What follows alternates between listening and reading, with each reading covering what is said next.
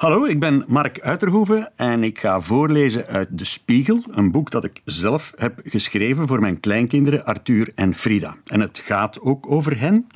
In het eerste verhaaltje gaat Frida naar de badkamer om te plassen. Ze staart in haar eigen ogen in de spiegel, zo hard dat ze tegen de spiegel botst, maar ze botst er eigenlijk niet tegen, ze valt er gewoon door, door de spiegel. Arthur gaat daar zoeken, want het eten is beneden klaar. Hij doet hetzelfde, hij kijkt in de spiegel en ook hij valt door de spiegel. En net als Alice in Wonderland gebeuren er wonderlijke dingen achter de spiegel.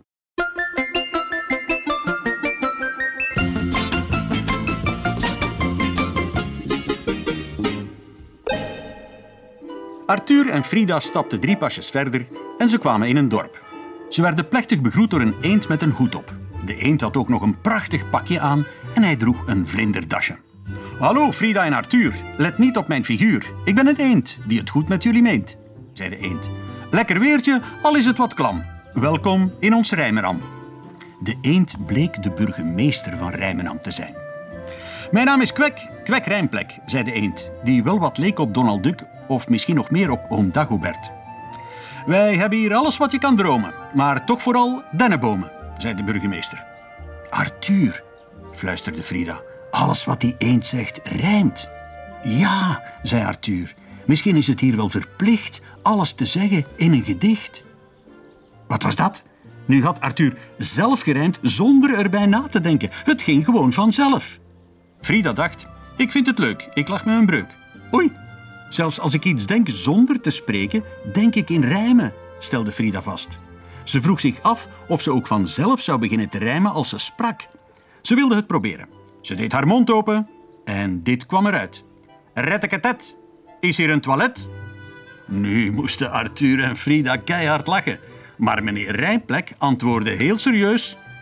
Voor een plas of voor een worst, voor een platte of met korst, voor een toiletje klein en fijn, moet je hier in Rijmenam zijn.